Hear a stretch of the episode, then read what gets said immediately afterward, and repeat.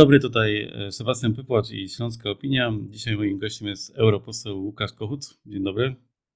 Dzień dobry, witam serdecznie. E, nie wiem, od których tematów zacząć. Zacznijmy od tych najbardziej lokalnych. Katowice przyszły do kolejnego etapu e, walki o tytuł Europejskiej Stolicy Kultury. Właściwie nie same Katowice, bo metropolia, czyli i śląskie miasta, i zagłębiowskie, czyli powstanie taki być może konglomerat kulturalny ponad, mm, ponad granicą, która nas dzieli. Katowice nadal mają szansę, żeby wygrać, czy, czy na przykład Pszczyna bardziej zasługuje na ten tytuł?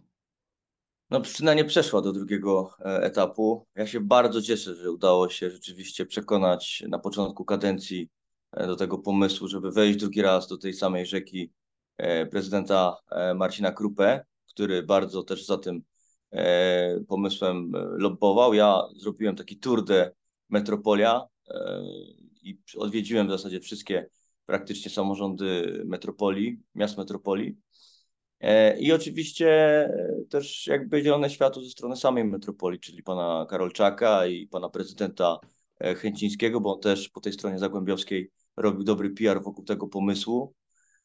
No i udało się, przyszliśmy do tego drugiego, finalnego etapu, Udało się to może złe słowo, bo tam rzeczywiście praca została wykonana kolosalna tego zespołu e, związanego z tym pomysłem. Ruszyły też ich social, media e, osobne i, i, że tak powiem, rozmowy z mieszkańcami e, i, i fantastyczna praca pana Łukasza Kębasiaka. No i w, rzeczywiście w tym, w tym takim spotkaniu tych 12 miast w Ministerstwie Kultury z Komisją Katowice były oceniane jako chyba najlepszy właśnie kandydat do, do, do tego ESK.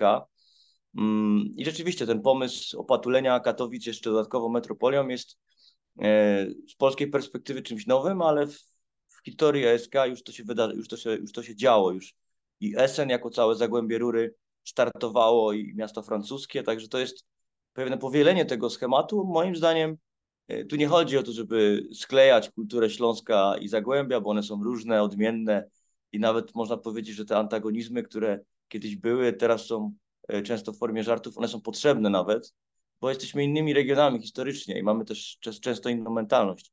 Ale można budować most kultury właśnie nad tą Brynicą w końcu i pokazywać i miasto Zagłębia, i miasto Śląska oddzielnie, trochę w kontrze, a jednocześnie oba regiony się na tym mogą budować, więc ja liczę na to, że oczywiście E, my tą Europejską Stolicą Kultury zostaniemy, bo mamy największy potencjał, jeśli chodzi o e, nie tylko potencjał ludzki, ale także ten potencjał transformacyjny. Mamy coś, mamy coś do udowodnienia e, światu, Europie i Polsce. Mamy też do pokazania po prostu całe ogromne, nieodkryte dla wielu Polaków obszary, jak choćby Śląsko-Gotka czy Śląska Kultura. Mm, no i myślę, że ten Big Book, który był o tytule Play, zrobił duże wrażenie na komisji. No I teraz oczywiście przed nami kawał e, ciężkiej pracy do zrobienia jeszcze i myślę, że w przyszłym roku, w drugiej połowie, ta decyzja o tym, że Katowice i Metropolia e, zostają w końcu Europejską Stolicą Kultury e, jest bardzo realna.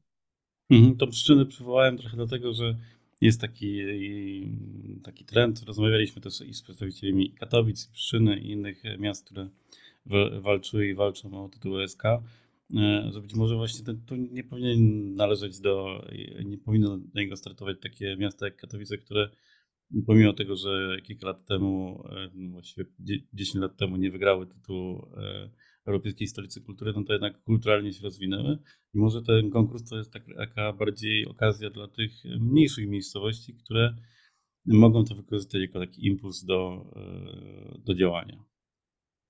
Ja w ogóle bardzo lubię Pszczynę i uważam, że to jest y, absolutnie perełka y, na śląskiej y, mapie. Może nie odkryta także dla wielu ludzi i, też jakby patrzyłem na to trochę z takim lekkim hercklekotem, że e, ta Pszczyna się pojawiła. Nawet mi szkoda było po prostu, że, że to tak wygląda, że...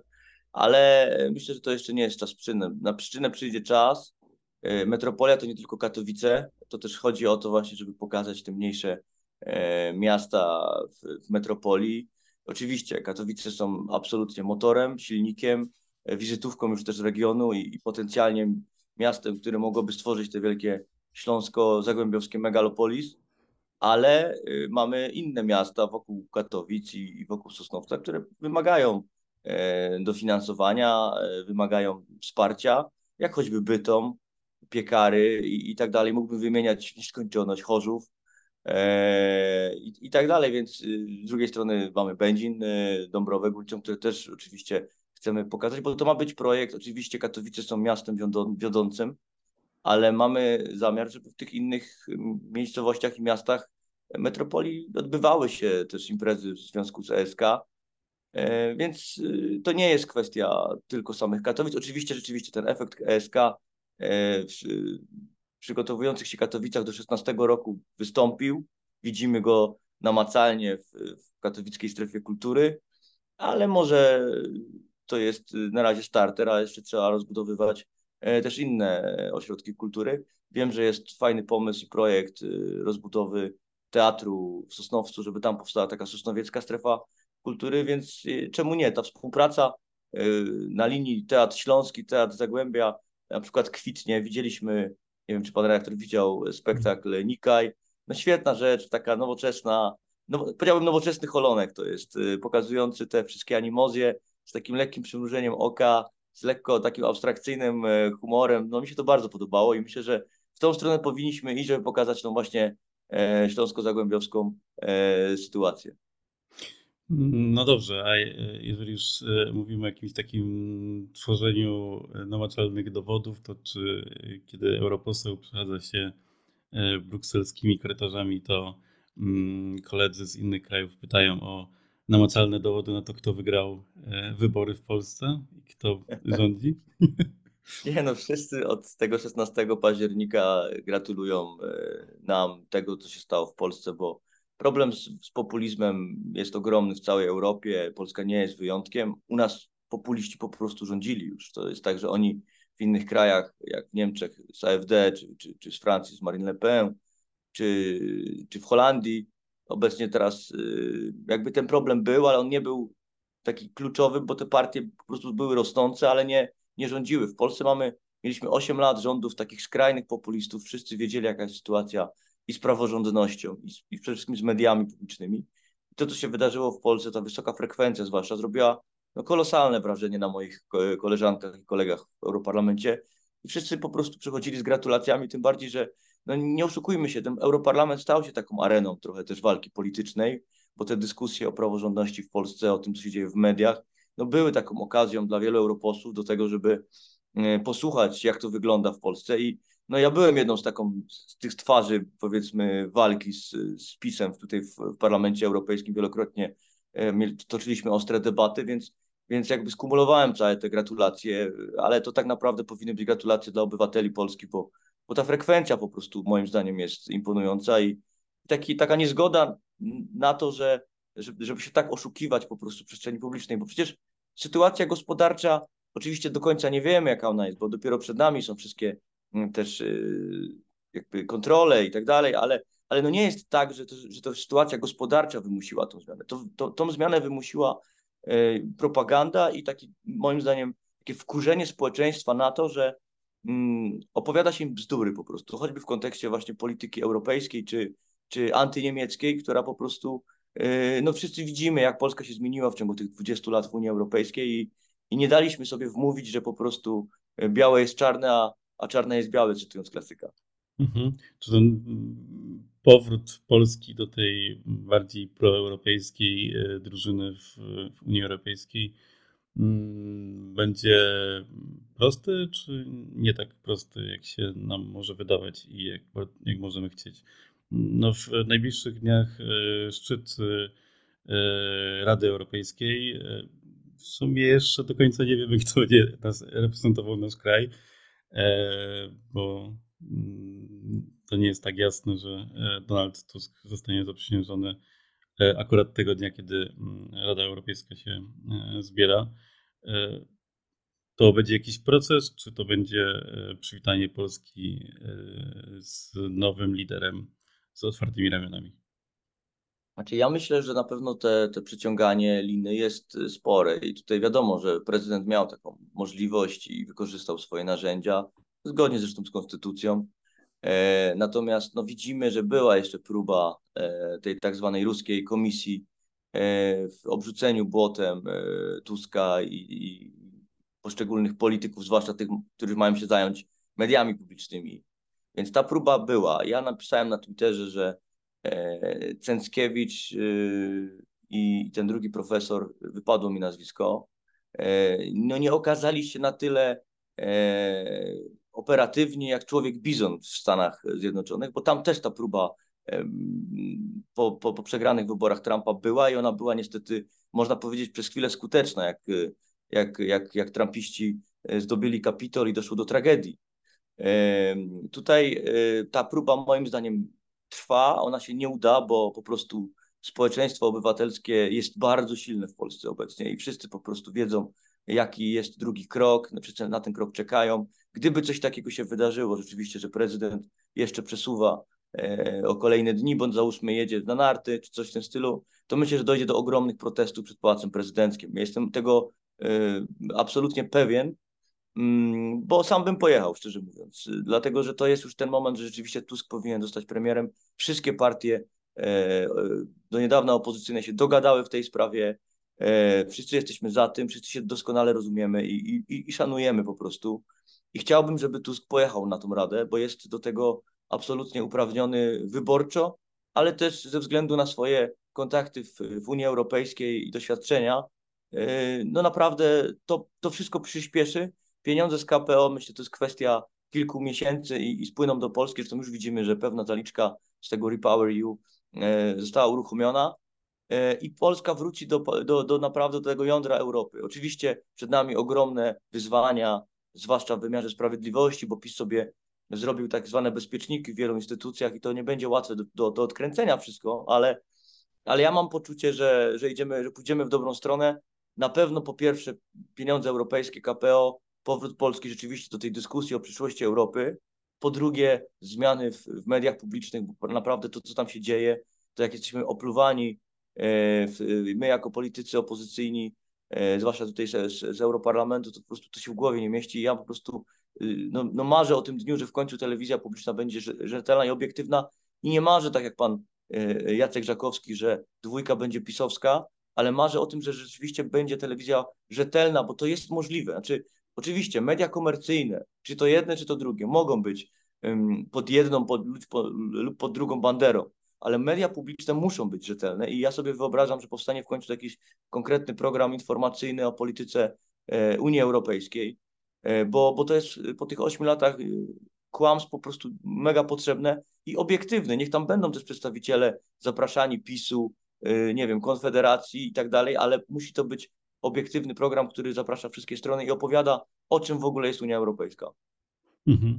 E, czy e, komisje śledcze, które zresztą wczoraj też były na komisji sejmowej e, procedowane, dzisiaj zapewne e, trafią do, mm, mm, na, na salę sejmową.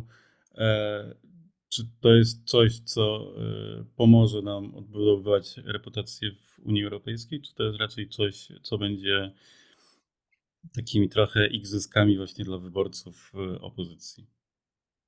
Na pewno trzy, trzy komisje powstają. Jedna z nich, e, Komisja do Spraw Inwigilacji Cyberobronią Pegasus, to jest wręcz wniosek naszej komisji tutaj w Europarlamencie, żeby taka komisja w polskim Sejmie powstała, żeby zbadać sprawę na miejscu, bo komisja sejmowa ma narzędzia. Myśmy tych narzędzi do końca nie mieli.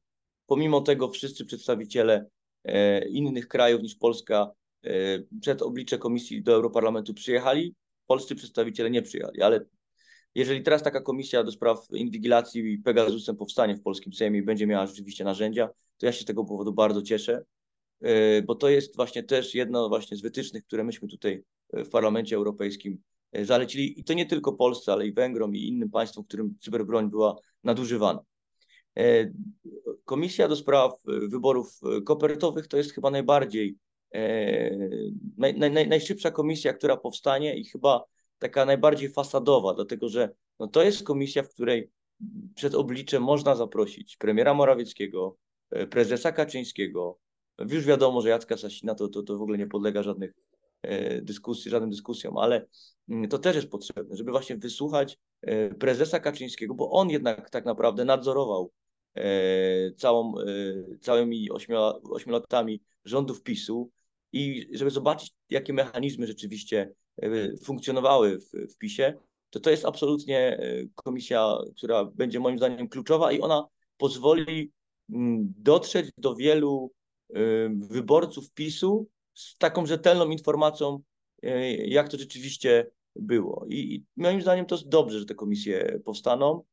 Czy to będą igrzyska? No na pewno będą to też igrzyska. Nie mam żadnych wątpliwości, że to przypominam sobie te komisje mm, kilkanaście lat temu, które wypromowały tak wielu e, polityków i do tej pory cytujemy przecież e, niektóre cytaty z tamtych czasów, więc, to na pewno będzie też, to też będą polityczne żniwa i, i, i pewne igrzyska, no ale na tym polega polityka. Moim zdaniem to dobrze, bo, bo, bo najważniejsze, żeby docierać także do tych y, wyborców, do tej bańki medialnej y, PiSu, no, który dalej żyje swoim życiem.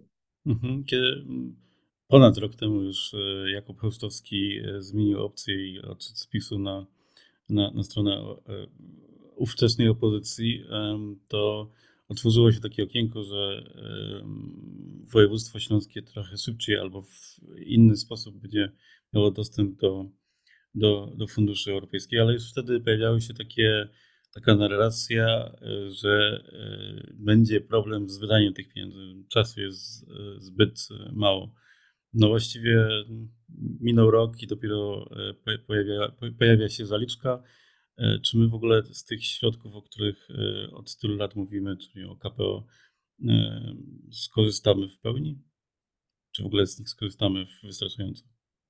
Tak uważam. Uważam, że trzeba rozmawiać z Komisją Europejską i być może nawet sobie wynegocjować po prostu jakieś dodatkowe 12 miesięcy, załóżmy na to, żeby te pieniądze wydać dobrze. Wiem, że samorządy są gotowe, są przygotowane projekty. Y, choćby rozmawiając z prezydentem Katowic, y, wiem, że, że, te, że tak naprawdę czeka, czekają na, na, te, na te przelewy y, samorządy i, i to szybko ruszy. Natomiast no, na pewno dobrze by było, żeby minister czy, czy premier wynegocjował jakieś może bardziej korzystniejsze lata wydawania tych pieniędzy, bo rzeczywiście wydawanie KPO finalne to jest i rozliczenie to jest 26 rok, więc to jest naprawdę mało czasu, zwłaszcza na takie duże inwestycje e, infrastrukturalne, które też są przecież w tym e, KPO. Więc oczywiście uważam, że, że tak, że wydamy je dobrze, ale może warto rozpocząć taką rozmowę i to jest chyba dobry pomysł, żeby w tej sprawie Donald Tusk czy, czy, czy minister odpowiedzialny za sprawy europejskie e, w tej sprawie z Brukselą negocjował. Zresztą podobnie jak jak z umową społeczną. Ja w tej sprawie staram się trzymać rękę na pulsie. Wiem, że to jest trudne, bo to jest umowa do 2049 e, roku. Komisja Europejska na ogół takich długich umów nie zawiera, ale no dla naszego regionu to jest kluczowa e, umowa, żeby górnicy mieli po prostu e, tą poduszkę bezpieczeństwa, żeby mogli sobie poplanować przyszłość i też tą transformację energetyczną, żeby zrobić z głową. I tutaj w tej hmm. sprawie wysłałem też interpelację, czekamy na na decyzję w Komisji Europejskiej. Z tego co ja wiem, po prostu tam nie było zbytnio dużo kontaktu między urzędnikami e, polskiego rządu a komisją. Zresztą podobnie jak w tym metanie, o którym tyle się w mediach mówiło akurat, tam też po prostu rząd przespał ten kluczowy moment i dopiero myśmy później wchodzili jako europosłowie w ostatnim momencie legislacyjnym. Mhm. E, europosła Kochuta w ostatnich miesiącach dużo w, w Sejmie. Dzisiaj też staje się, e, leci do Sejmu jakaś konkretna sprawa, która, której trzeba dopilnować w tej kadencji? Czy to jest tak, ja lecę do, język, lecę do to...